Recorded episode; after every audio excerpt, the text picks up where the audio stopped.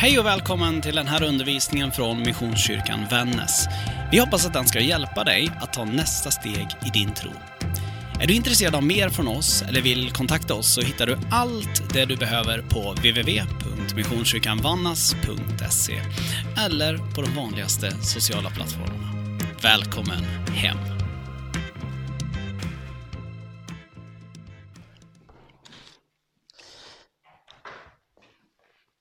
I, eh, idag är jag lite förkyld. Eh, inte så lite heller för er som känner igen min röst, hur den brukar låta. Men eh, så nu går jag på en sån här stadig dos utav Ipren och Fisherman's Friend. Ehm, jag hörde för övrigt i, i somras var jag på hemmamöte, då satt en kväll där och pratade med en man som var ifrån Fiskebäck. Och så pratade vi om Fisherman's Friend och han, den här gubben hade jobbat som fiskare hela sitt liv. Och då kunde inte jag ju, och jag hade lite ont i halsen så jag hade ett paket sånt där. Och då sa jag så här, hur är det? Använder fiskargubbar mycket sånt här? Man kunde inte låta bli liksom fiskargubbens vän så att säga som han heter. Och då sa han det lite skämtsamt, alltså, jag ska vara helt ärlig, jag har sett mer pastorer tugga i sig det där än fiskargubbar. Så det kändes ju gott, men då kan ni ju tänka på det nästa gång ni köper en Fisherman Friend. Då kan ni tänka att det där är pastorns kompis. Idag så ska vi prata om nåd. Och vi är mitt inne i det här temat där vi DNA då, där vi flyter genom tre olika huvudteman som är alla tre ord utifrån vår identitetsbeskrivning. Och då kan man ju fundera på, vi är just nu i generositet. Och generositet det tolkar vi många gånger till att ja, men generositet är ju mer, och i vår identitetsbeskrivning så skrivs det väldigt mycket som att det är någonting som handlar om oss mellanmänskligt. Ja, men alltså att vi ska leva generöst. Men grunden i all generositet, och det är även någonting som vi skriver, det är att vi tänker att det vi har fått som gåva ger vi som gåva. Att på något vis, det handlar inte någonting om att människan ska vara så himla duktig och vara så beredd på att ge och ge och ge. Utan det handlar om en förståelse där jag först har fått för att kunna ge. Och då kan man fundera på, vad är nåd egentligen? Alltså, ska vi beskriva det? Sture beskrev det på ett sätt här tidigare. Vi fick höra Jennalis fantastiska dikt, fick också vi ser på ett så tydligt exempel på nåd. Men ska man liksom koka ner det till det absolut liksom närmsta man kan komma liksom språk, etymologiskt och allting. Och då är det att nåd är Guds generositet mot skapelsen och allt som finns i den. Okej, okay, ni har blivit vana med en grej den senaste tiden. Och det är att det har varit väldigt mycket grekiska den senaste tiden. Och eh, det kommer det bli idag också. Eh, idag också en lite eh, uppgradering till 2.0. Idag blir det även hebreiska. Men grekiska ordet, det absolut vanligaste grekiska ordet för nåd. Är det någon som vet vad det är? För jag sa ju det faktiskt för två veckor sedan. Ja, men jag, seriöst, jag, jag kommer inte heller ihåg det. Men eh, det är charis. Charis, det är egentligen ett antikt ord som används egentligen, finns väldigt brett skrivet i antik grekiska. För vi måste komma ihåg Nya Testamentet då, som skrevs på antik grekiska. Den skrivs ju i en tid på ett språk där det finns jättemycket andra skrifter, till skillnad från hebreiskan. Hebreiskan finns det egentligen bara gammaltestamentliga texter som är skrivna på från den här tiden. Men grekiskan, där har vi några filurer ni troligen känner igen. Platon, Aristoteles, Sokrates, som förvisso aldrig har funnits, men Platon och Aristoteles i alla fall. De skrev också på det här. Många av de samtida diktarna i Grekland, där den moderna poesin på något vis tog sin grund, skrevs på antikgrekiska. Och man använder det här ordet charista nästan uteslutande för en enda sak. Och det är gåva. I grunden är det, när man liksom tänker sig så är det lite orimligt egentligen utifrån vårt tankemönster. Det finns andra ord i grekiskan som man skulle kunna tänka ligger närmare Guds välvilja. Men ändå så har samtliga författare praktiskt i Bibeln då använt ordet charis för att beskriva nåd. Varför? Alltså det här är inte helt enkelt. Det har tagit en beskärd del tid att komma på det. Ehm, men till slut så får man ju bara lära sig, sluta gräva för mycket och gå till de som har gjort det. Tagit reda på det. Och det som är den sammanhängande tanken idag man har, det är att anledningen till att man använder det, det är för att någon gång där, strax säg runt 500 före Kristus ungefär, så översattes hela gamla testamentet till grekiska. Det här var på grund av att den judiska, liksom den där gruppen människor som levde kring det vi kallar Israel idag, de var så helleniserade som de kallades. De läste grekiska i högre utsträckning än vad de kunde hebreiska som faktiskt var prästernas språk primärt. Det var absolut inte som idag, där den moderna hebreiskan är folkets språk, utan snarare något som bara de riktigt lärde kunde förstå. Man skrev därför ut Toran på, judis, på, på grekiska. Och de här judiska lärarna, de valde ordet charis för att beskriva den hebreiska termen 'shen'. Och det är ordet då, 'shen', det är nåd i sin liksom grund. Det är där som, det är det ordet som liksom alltid har använts genom hela hebreiskan som beskriver nåd. sken. Det ordet, då valde man där helt enkelt. När vi skriver det på grekiska, då skriver vi det som gåva, för det var det de förstod det bäst som. Okej, okay. spännande. Vi kan fortsätta i det här då. Skön, vad är det för ett ord? Jo, skön är inte det första ursprungliga ordet där, utan det, det där har vuxit fram ur någonting annat. Ett ord som är chanan. Och kanske är du som bekant bibelläsare, så kanske du känner, det klingar lite bekant. Jag menar, tar vi bort den värsta västgötska liksom långt ner i halsen ske-ljudet och kanske glömmer att uttala att det där C ska uttalas med ske-ljud så skulle vi kunna uttala det med lite K-ljud så blir det kanan. I grunden så är de här orden otroligt nära vänner. Chanan och kanan.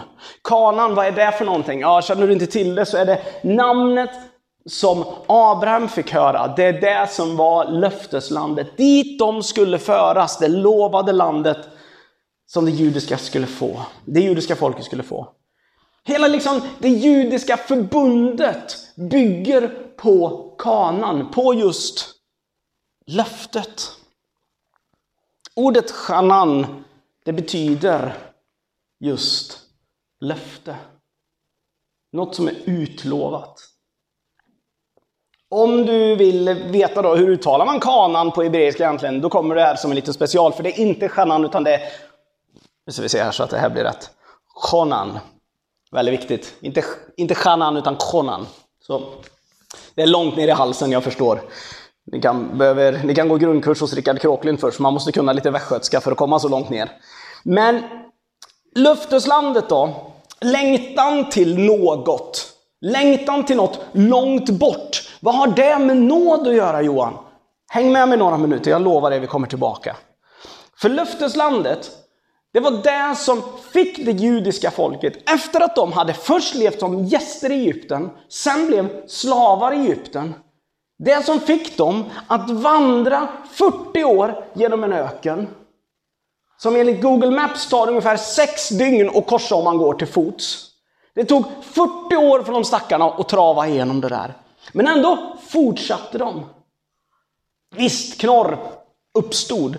Men det måste ju uppenbarligen, tänk er själva, hur många av er hade fortsatt och gått och gått och gått i 40 år? Liksom att gå i en öken. Alltså jag har fjällvandrat och man kan säga så här, efter så 8-9 dygn ute i fjälls, då börjar man bli lite småmör. Och så bara inser det att Alltså 365 gånger 10, det är 3650 gånger 4. Alltså vi snackar alltså bortåt sådär jättemycket längre. 40 år. Ändå fortsatte de, för de trodde så starkt på någonting. De var lovade någonting så starkt. Löfteslandet i grunden, det var ingenting som det här folket hade gjort sig förtjänt av. Absolut inte. Bara som en, liksom, en liten påminnelse, liksom, strax före de blev lovade det.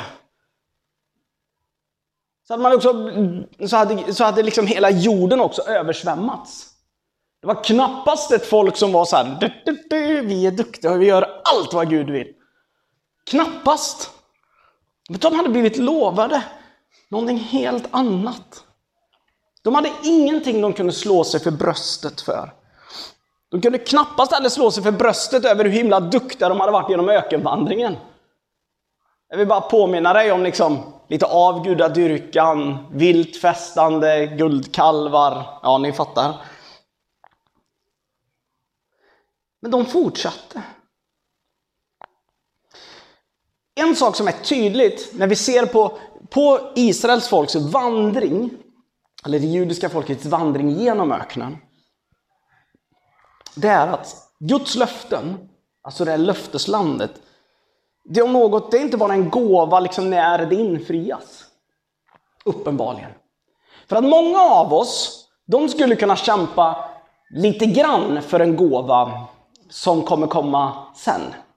Jag vet inte om ni har sett den här psykologiska grejen. Har man läst psykologi A på gymnasiet eh, de senaste 35-40 åren känns det som att man gärna har släpat in en stor TV, tryckt in VHS-bandet och har psykologiläraren velat visa den här studien från Harvard där man ger barn marshmallows. Är det någon som har sett den här? Ja, det är två som har sett den, tre som har sett den. Okej, ni övriga då, ni måste ha sovit igenom den psykologilektionen, för den här, det känns som att alla har visat den. Den bygger i grunden på så här. Ett barn, man har in x antal barn, en och en, i en studio framför en kamera. Och så säger man till dem, du, du kan få en marshmallow nu. Eller så kan du få fem marshmallow om tio minuter. Välj själv. De allra, allra flesta barnen, eh, de väljer ju, de, de smäller ju den där marshmallowen på en gång. Det enda de hör är bara wow, jag får marshmallow på en gång, gött, hej. Sen finns det ju de som bara mm, och så ser man, man filmar de här under tiden.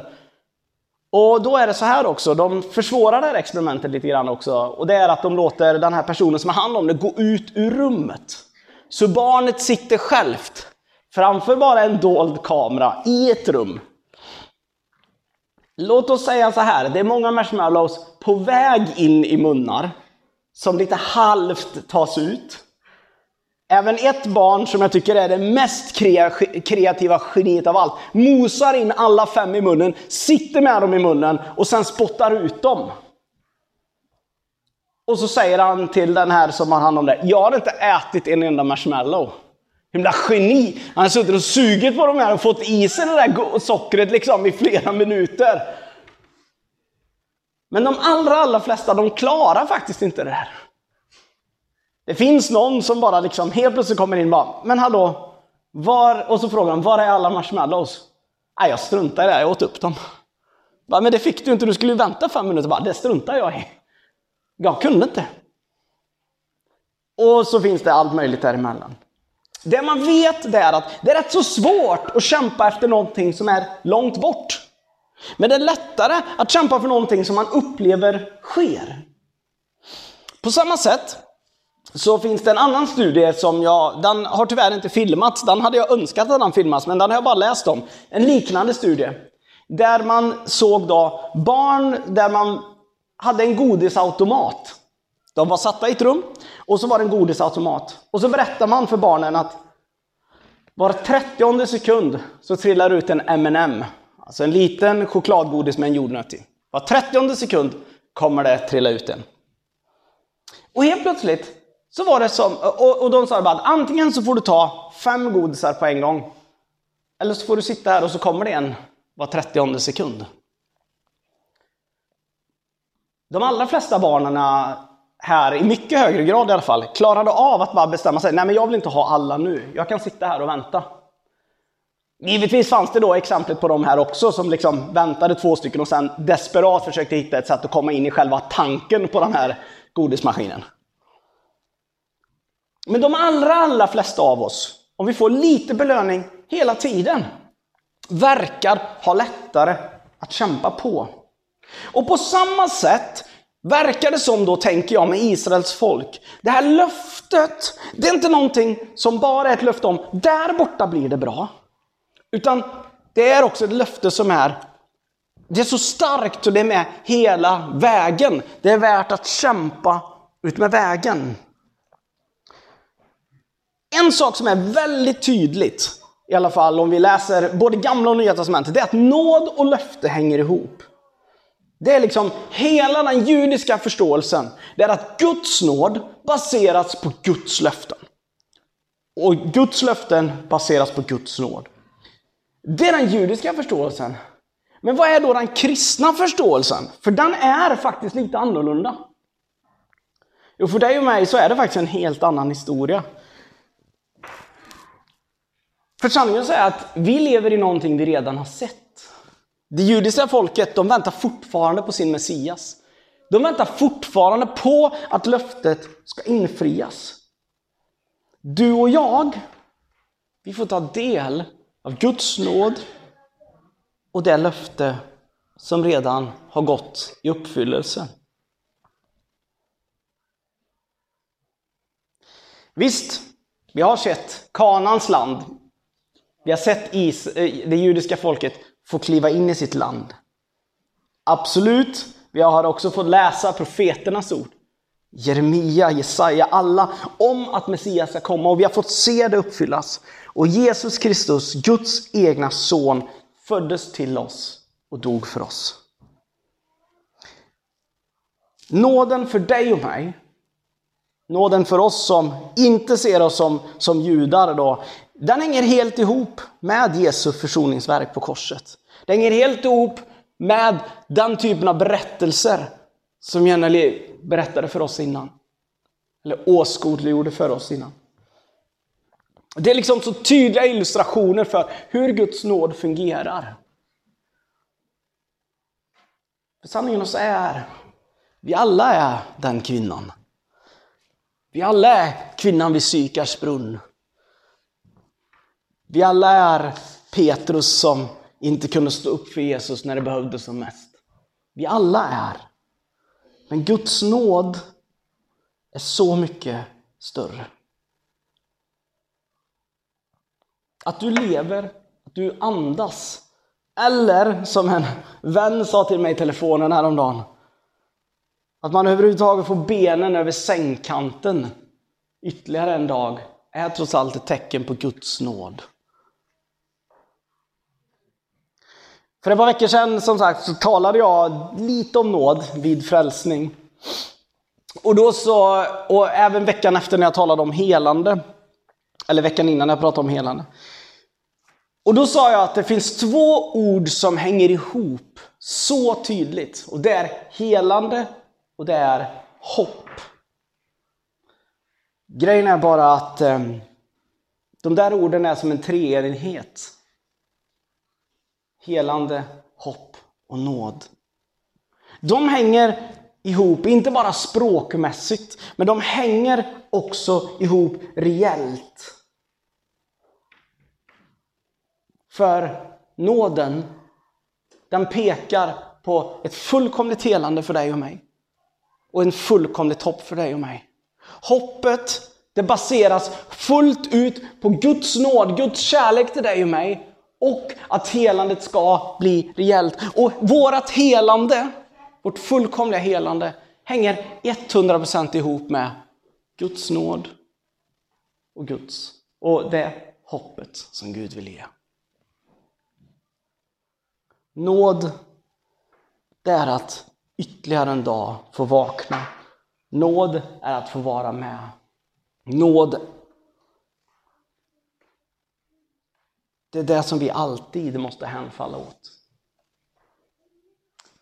På torsdag så startar ett boksamtal kring eh, en bok från 1864 Jag inser att jag hade sagt fel. Jag har sagt 62 innan och jag beklagar detta. Men om du vill få grepp om vad nåd är, så skulle jag behöva fyra veckor och att du läser en bok.